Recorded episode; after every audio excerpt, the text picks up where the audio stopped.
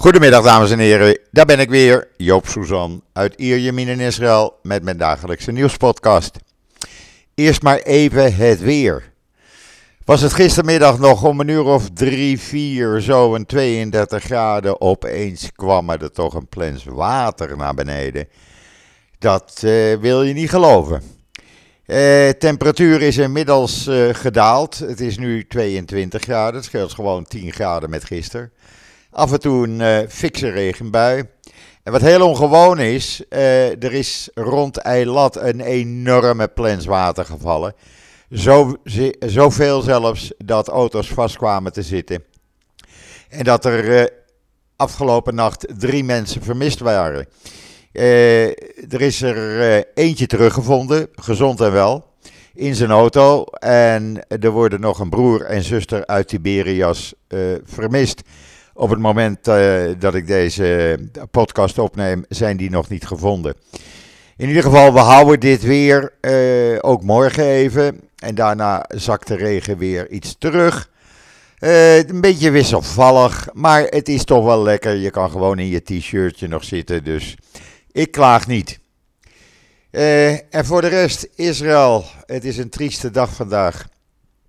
Zoals jullie inmiddels hebben begrepen is ook moeder uh, Lea D. Of Lucie uh, die uh, aan de gevolgen van die aanslag jongsleden vrijdag overleden. Kort na haar, nadat haar twee dochters Maya en Rina zondag waren begraven. ze had een paar orthopedische operaties ondergaan in het Hadassah Medical Center in Jeruzalem. Maar dat heeft helaas niet mogen baten, hoezeer de artsen ook voor haar leven gevochten hebben. Eh, ondanks het grote verdriet eh, besloot uh, de familie die om haar organen te doneren, zodat andere levens gered kunnen worden. Eh, ja, heel Israël rouwt om deze familie.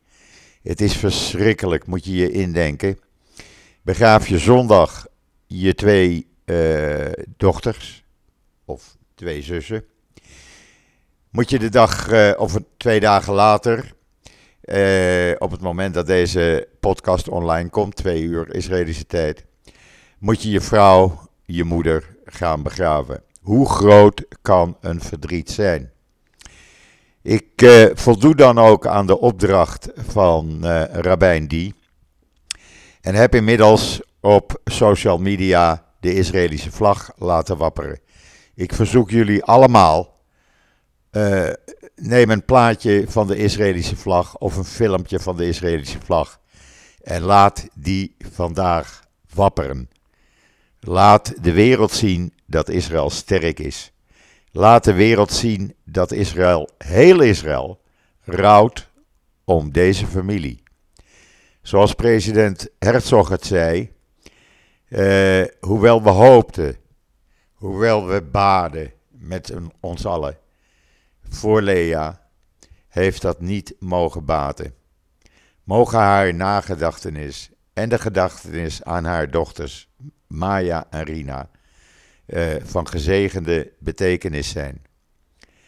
Namens het hele volk van Israël betuig ik mijn oprechte condolences aan de familie Die en bid dat ze verder geen verdriet meer zullen kennen.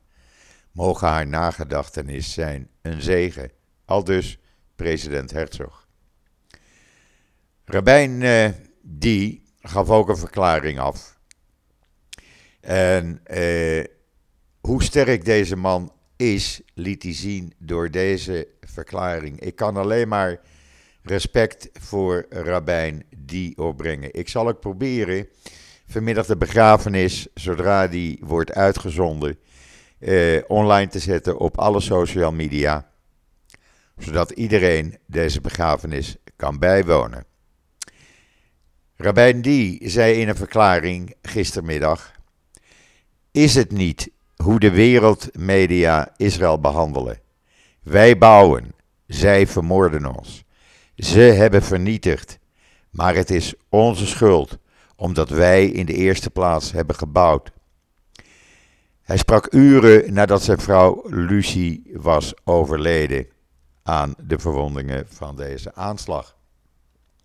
En hij riep dan ook op om gisteren maandag, maar vooral vandaag, dinsdag 11 april, tot Dies Day uit te roepen. Waarbij mensen over de hele wereld worden aangemoedigd een foto van de Israëlische vlag op social media te plaatsen. Als een boodschap aan de mensheid, namelijk dat we terreur nooit als legitiem zullen accepteren. Dat we de moord nooit de schuld geven van de slachtoffers.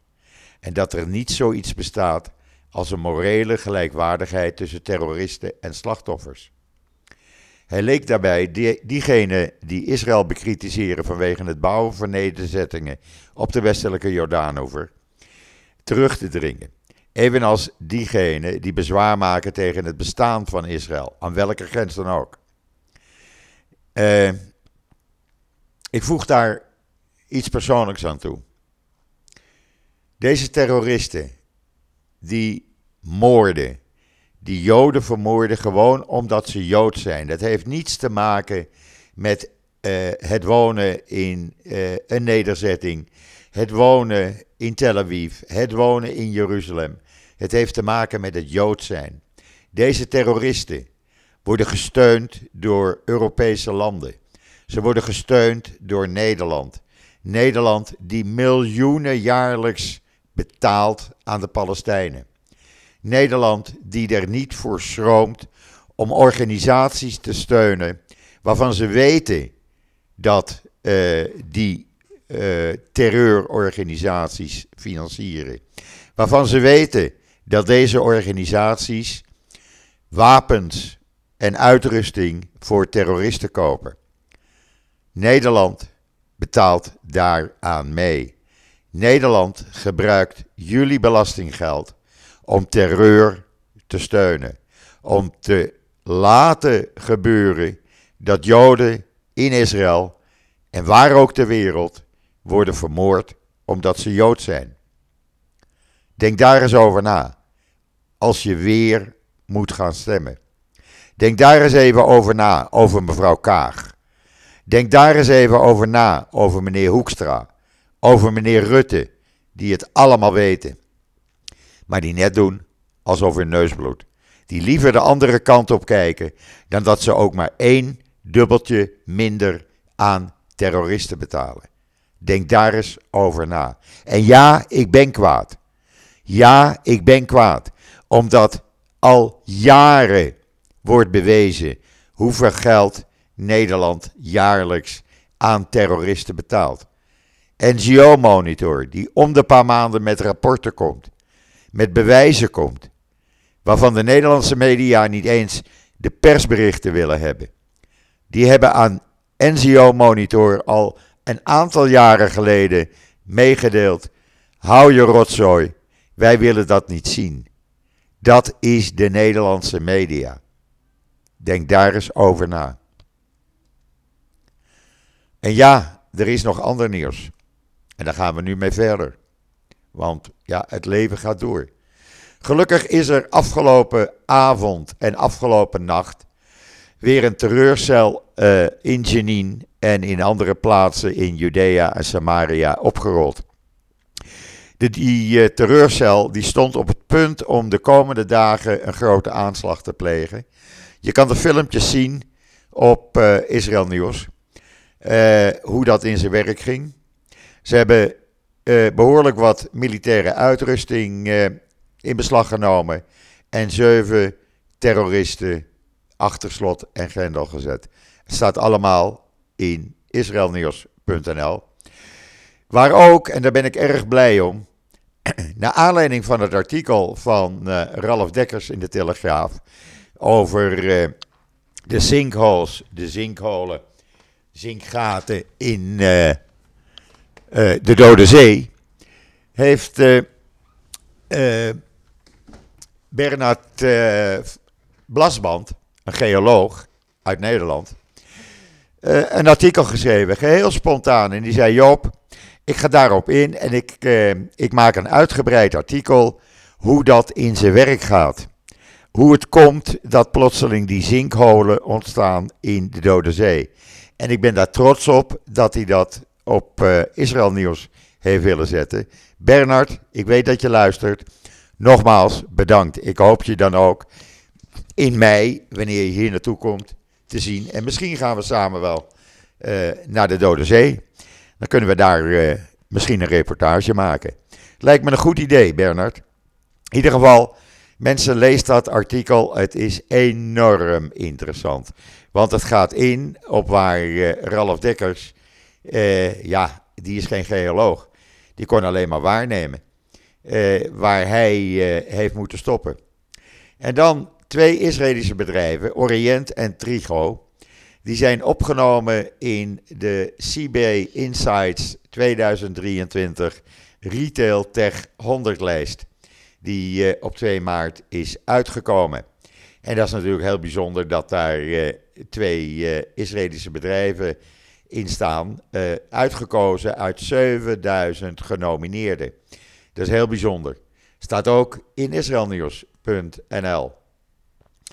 Waar je verder kan lezen vandaag, een verklaring van Yad Vashem in zaken de hernieuwing van de educatieve trips uh, voor scholieren naar Polen.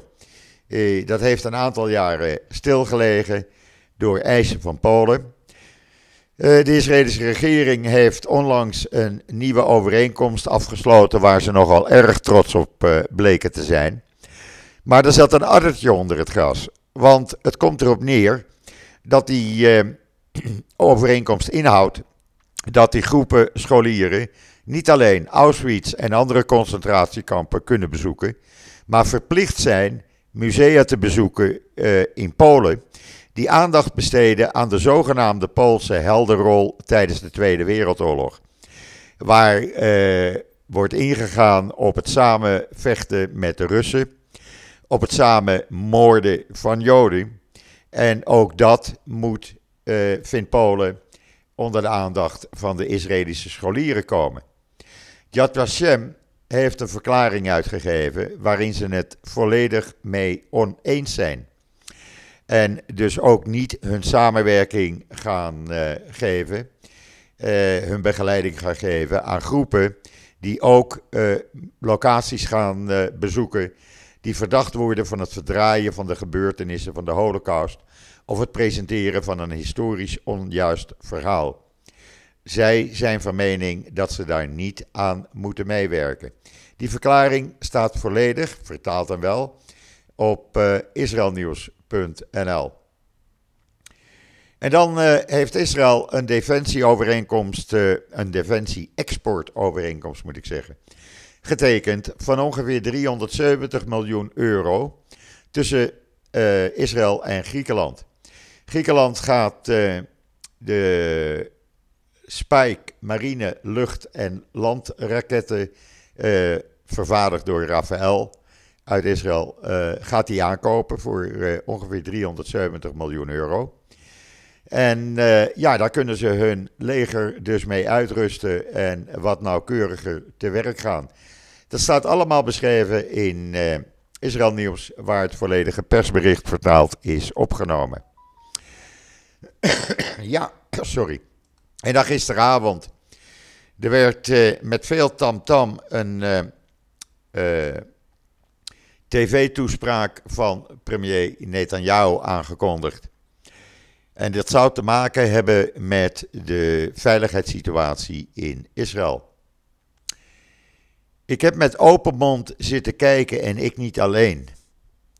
Want het was duidelijk dat Netanyahu uh, vanwege de sombere peilingen en toenemende publieke woede uh, en bezorgdheid over de golf van uh, aanvallen op verschillende fronten zich in het nauw gedreven voelde. daarbij kwam dat hij gisteren natuurlijk in een hele moeilijke positie zat. Want het leger heeft de jacht gisteren moeten stoppen voor één dag. Op de terroristen die moeder en dochters die hadden vermoord.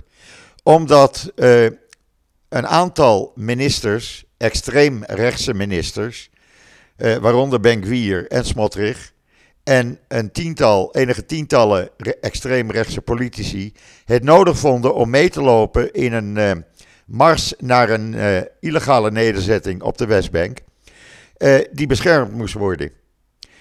vooral door het, toedoen, door het meedoen van deze politici. ja, wat gaat dan voor? Het beschermen van politici of het jagen op terroristen? Nou, het bleek dus het beschermen van politici te zijn.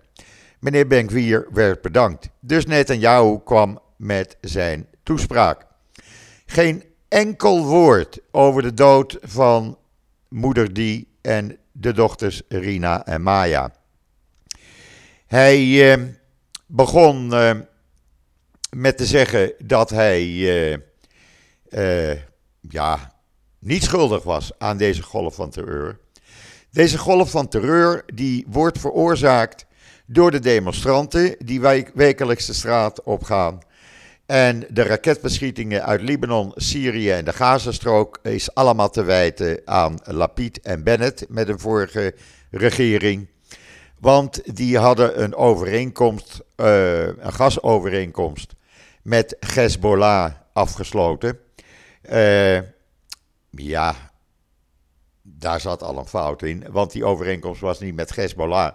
Die is met de Libanese regering afgesloten. En het ging erom dat Israël uh, zijn gasveld kon, uh, verder kon exploreren. En Libanon ook zijn gasveld kon gaan ja, exploreren. En dat heeft niets met Hezbollah te maken. Maar goed, Netanyahu gaf de schuld van de aanslagen van de laatste tijd aan uh, Lapid, Bennett en de demonstranten. Het heeft niets te doen met zijn beleid van uh, de eerste drie maanden. Daarnaast, hij deed deze toespraak in de Kiria, het militaire hoofdkwartier van de IDF in Tel Aviv. En daarnaast zei hij ook nog even dat hij had besloten om Galant weer te herinstalleren als minister van Defensie. Geen enkel woord van excuus. Uh, hij had Galant na zich kunnen roepen, want Galant zat op datzelfde moment één verdieping hoger. Hoe makkelijk is het dan om te zeggen: Galant, Joaf, kom er even bij staan. Uh, ik bied mijn excuus aan voor wat ik heb gedaan. Ik had je niet moeten ontslaan. Nee hoor, zo makkelijk als hij zei van Galant is ontslagen omdat hij kritiek had op mijn beleid vanwege die juridische hervormingen en vond dat dat even stilgelegd moest worden, wat inmiddels ook is gebeurd. Nee, hij zei heel laconiek, oh ja, Galant is weer minister van Defensie. Hoe makkelijk kan je dat doen?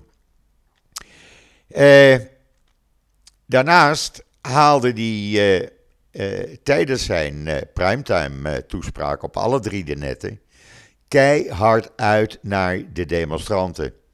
Want uh, die massale protesten, ja, die zorgen er toch voor dat terroristen op dit moment Israël aanvallen. En uh, ja, dat is al een hele tijd aan de gang, zei hij. Want dat is al begonnen zodra er een regering onder leiding van Bennett en later Lapid was. Nou, ook dat moet ik tegenspreken, want er waren in het begin, in het voorjaar, verleden jaar, een aantal aanslagen. Uh, Hamas wilde een oorlog beginnen. Die was binnen drie dagen gestopt door Bennett. En daarnaast zijn er eigenlijk bijzonder weinig aanslagen geweest. In ieder geval geen golf van aanslagen uh, zoals die op dit moment plaatsvindt. ja, en dan uh, krijg je natuurlijk de kritiek.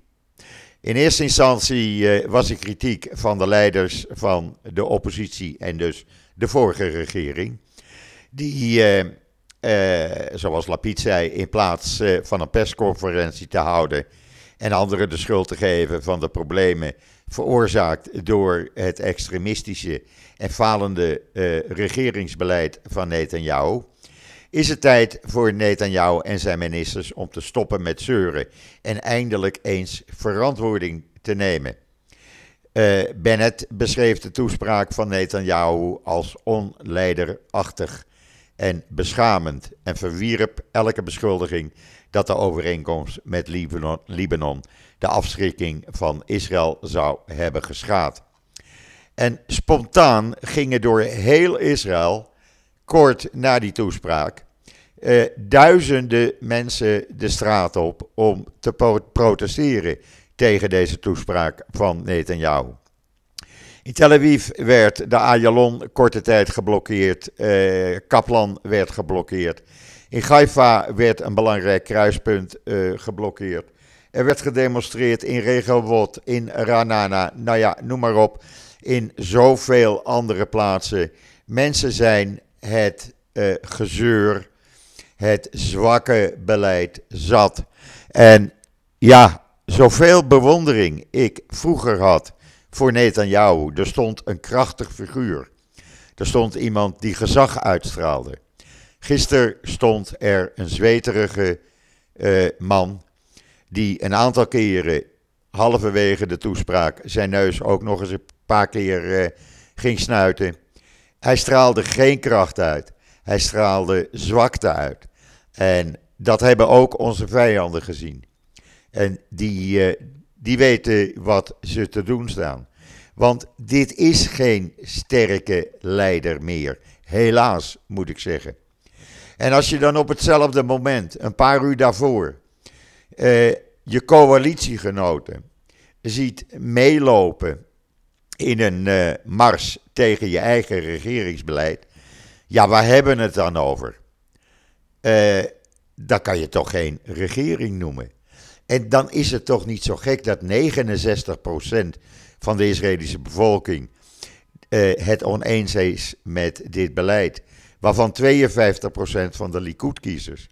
Dan is het toch niet zo slecht dat uit een Channel 13-peiling blijkt dat Netanyahu, de Likud van Netanyahu, op dit moment met verkiezingen vandaag nog slechts 20 Knesset-zetels maximaal zou krijgen, vergeleken met de 34 die ze in november wonnen. Eh, ja, wat moet je dan met zo'n regering? Dat kan toch niet lang doorgaan op deze manier.